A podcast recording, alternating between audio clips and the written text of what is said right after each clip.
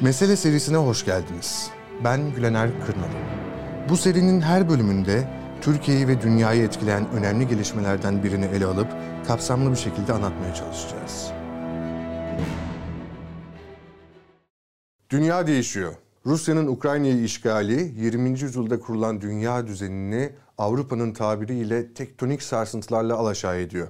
Önümüzdeki dönemde yeni bir dünya düzeninin kurulmasını izleyeceğiz. Peki değişen uluslararası dengelerde ekonomik, siyasi ve coğrafi sebeplerden ötürü Türkiye'nin jeopolitik önemi artabilir mi? Gelin yaşanan gelişmelere Türkiye açısından bakalım ve Türkiye'nin içinde bulunduğu karmaşık ama birçok açıdan fırsatlara gebe konumu ele alalım. Savaşın başından bu yana Ankara yoğun bir diplomasi trafiği içerisinde.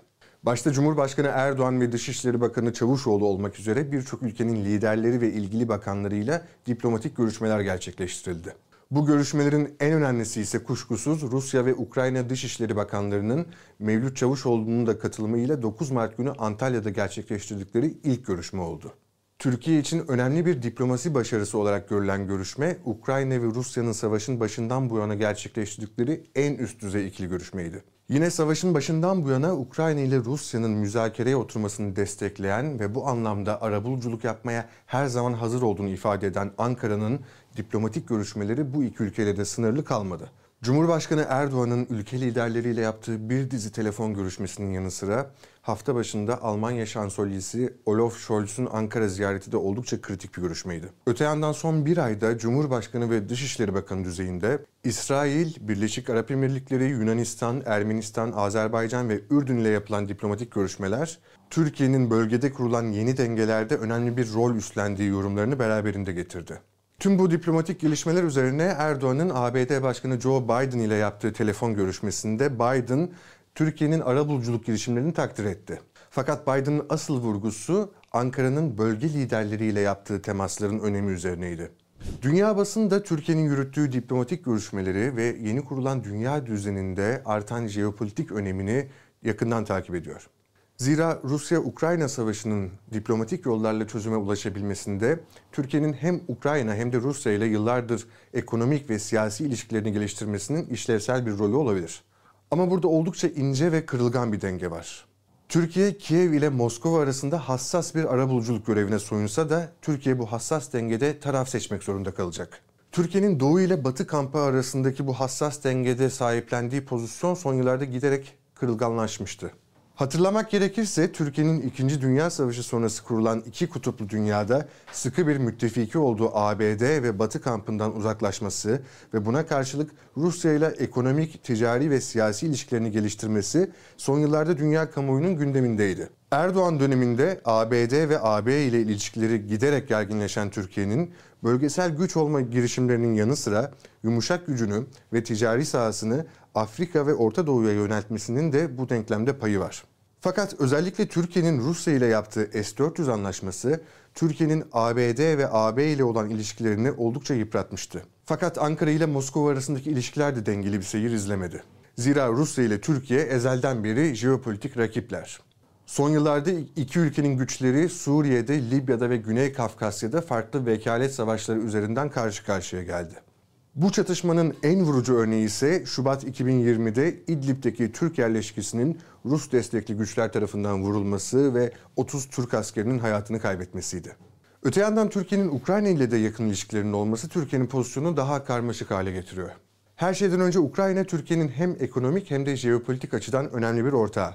İki ülke arasındaki ticaret 2013-2014 yıllarında Ukrayna'da yaşanan siyasi dönüşümlerden sonra kat be kat arttı ve 2021 yılında iki ülke arasındaki ticaret hacmi 7.4 milyar dolara ulaştı.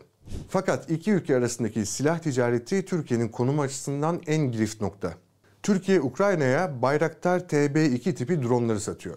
Ki Rusya-Ukrayna savaşının en başından beri Ukrayna yönetimi ve Ukrayna Devlet Başkanı Zelenski Bayraktar dronlarının savaşta sağladığı fayda açısından inanılmaz övgüler yağdırıyor. Tabii bu da Ankara'nın ısrarla devam ettirdiği tarafsız kalma imajını bozan bir faktör. Hatta Ankara tarafsızlık imajını dengelemek için hükümete yakınlığıyla bilinen iş adamı Ethem Sancağı Moskova'ya yollayıp Rus medyasına demeç verdirtti. Sancak bu dronların özel bir şirket tarafından üretilip satıldığını, bu süreçte Türkiye yönetiminin bir dahli olmadığını ve dronların bu şekilde kullanılacağını tahmin etmediklerini söyledi. Bu silahların ihracatında Türkiye Savunma Bakanlığı'nın sıkı bir kontrolü olduğunu ve bu dronları üreten şirketin Erdoğan'ın damadının ailesine ait olduğu düşünülürse Rusya'nın bu açıklamaları ne kadar inandırıcı bulacağı şüpheli.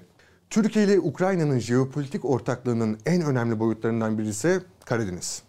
Kuşkusuz Rus işgali altında olmayan, bağımsız ve stabil bir Ukrayna, Karadeniz'in güvenliği açısından da Türkiye için özel bir önem arz ediyor.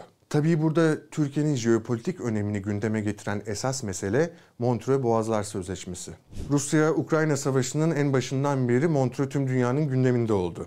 Bir süre Ankara Montreux'u uygulayacak mı, uygulamayacak mı tartışması sürdü ancak Ukrayna'nın talebi üzerine Türkiye sözleşmeyi etkinleştirdi. Ve bu durum Türkiye'nin Rusya karşısında somut bir adım atmış olması sebebiyle Batı'yı memnun etti. Türkiye bu hamleyi sözleşmenin maddelerine uygun olarak önemli bir şerhle uyguladı. Rusya savaş gemileri kendi limanlarına dönmek için boğazlardan geçebilir. Bu durum Karadeniz'de bulunan Rus gemilerinin oraya sıkışmış olduğu manasına geliyor. Ancak birçok uzmana göre savaşın asıl cephesinin Kiev değil Güney Ukrayna olduğu ve Rusya'nın askeri ve jeopolitik önceliklerinin başında Kiev'i almaktan ziyade Güney Ukrayna'yı ele geçirmek ve Karadeniz kıyılarının tam kontrolünü sağlamak olduğu düşünülürse bu durum Rusya'nın planlarını bozmayabilir. Ancak Montreux'un Türkiye için önemli olan başka bir sonucu var. Rusya Karadeniz'deki savaş gemilerini daha önce yaptığı gibi boğazlardan geçirip Suriye kıyılarına yollayamayacak. Suriye hem Türkiye'yi çok yakından ilgilendiren bir mesele olması hem de Türkiye ile Rusya'yı yeniden karşı karşıya getirme potansiyeli açısından oldukça mühim. Ukrayna Savaşı'nda Rusya safında savaşmak için Suriye'den binlerce savaşçının gittiği biliniyor. Öte yandan Moskova'nın savaşta olmasını fırsat bilen Suriyeli muhaliflerin Esad yönetimine karşı yeniden sıcak çatışmaya girme ihtimali de konuşulan bir şey. Bu da Suriye'de işlerin yeniden ısınması ve açılacak bu yeni sıcak cephede başta Türkiye olmak üzere ABD, AB ve Rusya'nın yeniden burun buruna gelme ihtimalini gündeme getiriyor. Birçok olası senaryo var. Savaşın nereye evrileceği ve ne gibi sonuçlar doğuracağı belirsiz.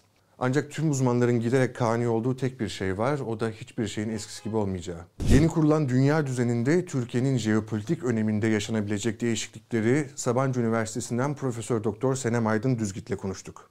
Önemi artıyor mudan ziyade belki şöyle bakabiliriz. Yani zaten önemli bir ülke. Aynı zamanda da özellikle bu gibi çatışmalı durumlarda e, oldukça da riskli konumda bir ülke. Çünkü e, bir yandan Rusya ile ilişkileri var e, ve birçok açıdan Rusya ile son derece asimetrik bir ilişkisi var Türkiye'nin. E, özellikle de ekonomisinin çok kırılgan olduğu bu dönemle o asimetrik ilişkideki Rusya ağırlığı daha ortaya çıkıyor. Dolayısıyla Rusya'ya karşı söylemde çok net tavır alsa da pratikte çok ağır bir tavır alması, örneğin işte Batı'nın yaptırımlarını benimsemesi mümkün değil. E, içinde bulunduğu durum itibariyle pek akılcıl da değil diye düşünüyorum. E, öte yandan bir de tabii işin boyut, batı boyutu var. Yani NATO üyesi bir ülke Türkiye. E, ve orayla da e, belli bir dengeyi yürütmesi gerekiyor. O nedenle zaten işte Ukrayna'nın toprak bütünlüğüne olan işte taahhüdü, e, buna ilişkin e, işte Rusya'ya kınayan sözlerini, retoriğini, söylemini bu şekilde okumak gerekiyor diye düşünüyorum. E, şöyle de bir artı var tabii. Yani bu ilişkinin bu yapısından ötürü hem Rusya ile konuşabilen bir ülke konumunda hem de Batı ile bir ilişki yürütüp konuşabilen bir ülke konumunda. Yani bu Ukrayna Savaşı'nın ortaya çıkarttığı ortamda e, Avrupa'nın ve Batı'nın bu güvenlik mimarisi tekrar elden geçecek ve tekrar yapılanacak. Öyle görünüyor. Tabii burada Türkiye kendini nasıl konumlayacak bu önemli. Ve buradaki konumlanma için tabii diğer aktörlerle işbirliğini de e, bir şekilde yürütmesi gerekiyor. E, o nedenle yani bu yeni ortamda e, bu bir önceki yalnızlığı bir nebze kırabilmesinin de yolu açılıyor. Şunu da söyleyerek belki bitirmekte fayda var. Hani bu şekilde o önemini ya da uluslararası siyasetteki ağırlığını e, bir nebze arttırmaya çalışabilir. Ancak bu savaş uzadıkça e, bu ağırlığını bu şekilde arttırabilmesi gittikçe zorlaşacaktır Türkiye açısından diye düşünüyorum. Çünkü bu savaş e, uzadıkça, ağırlaştıkça aynı şekilde bir ihtimal Türkiye'nin çok da benimsemek istemediği ağır yaptırımları benimsemesine dair e, baskılar gelebilir. Özellikle de NATO ve AB ülkelerinden. E, o nedenle hani bu bahsettiğimiz önem ya da jeopolitik önemin kısmen artırılabileceği bir e, bir açıklık ya da bir e, fırsat penceresi çok uzun sürmeyebilir diye düşünüyorum. Türkiye'nin jeopolitik konumunun öneminin arttığını ancak bunun fırsatlar kadar riskler de getirebileceğini söyleyen ekonomist Atilla Yeşila da Türkiye'nin durumunu şu sözlerle değerlendirdi. Jeopolitik olarak pozisyonumuz kuvvetlendi. Yalnız tabii galiba bu Çinlerin atasözü ne dilediğine dikkat et demişler. Şişeden çıkan cinler genelde size bir şey verirken iki şey alıp götürürler. Türkiye'nin de kozlarının çok dikkatli oynaması lazım. Yani şu ana kadar Sayın Erdoğan ve Türk diplomasisi Rusya, Ukrayna ve tabii diğer muhatap olan Avrupa Birliği ve Amerika Birleşik Devletleri ile dengeli ilişkiyi çok iyi sürdürdü. Ama zaman içinde bunu yapmak çok zorlaşacak. Bir kere bu Allah rızası için Rus oligarkların parası buraya gelecek. İşte biz yerel parayla işlem yaparız, Swift'i deleriz filan gibi düşüncelerin yakında dahi gelmemek lazım. Bunlar Türkiye'nin batıdaki itibarını ve Türkiye'ye para akımını zedeler. Ama gerçekler bu şekildedir. Biz tabii ki yani Rusya ile olan ticaretimizi yapmaya devam edeceğiz. Kimse buna mani olamaz. Bu stratejik açıdan önemimizi arttırdı. Sanırım artık Avrupa Birliği'nin ve Amerika Birleşik Devletleri'nin Türkiye'ye karşı bu boş verici tutumunu sürdürmeleri imkansız. Bunu çok iyi anlamak lazım.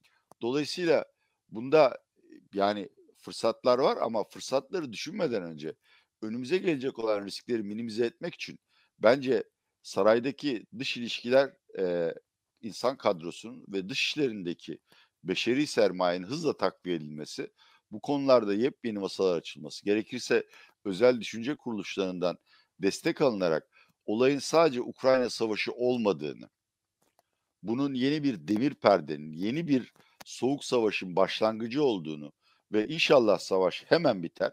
Ama iki taraf arasındaki husumetin yalnız siyasette değil, ekonomide de bütün dengeleri 10 yıl boyunca değiştireceği düşünülerek hareket edilmeli.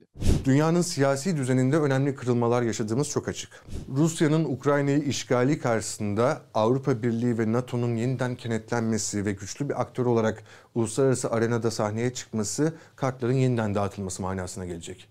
Öte yandan Rusya'ya duyulan ontolojik güvensizlik, Rusya'nın her an Baltıklara, Moldova'ya, Polonya'ya ya da Gürcistan'a saldırma endişesini de beraberinde getiriyor. Korku ve endişe yükseldikçe savunma ve güvenlik odaklı stratejilerde giderek başatlaşıyor. Bu noktada da NATO'nun en önemli askeri müttefiklerinden olan Türkiye'nin jeopolitik konumu ve askeri gücünün önemi giderek artmakta. Ankara tüm bu yaşananların, dünyadaki büyük dönüşümün ve kurulan yeni dünya düzenindeki potansiyelinin farkında mı ya da farkına varır mı belli değil.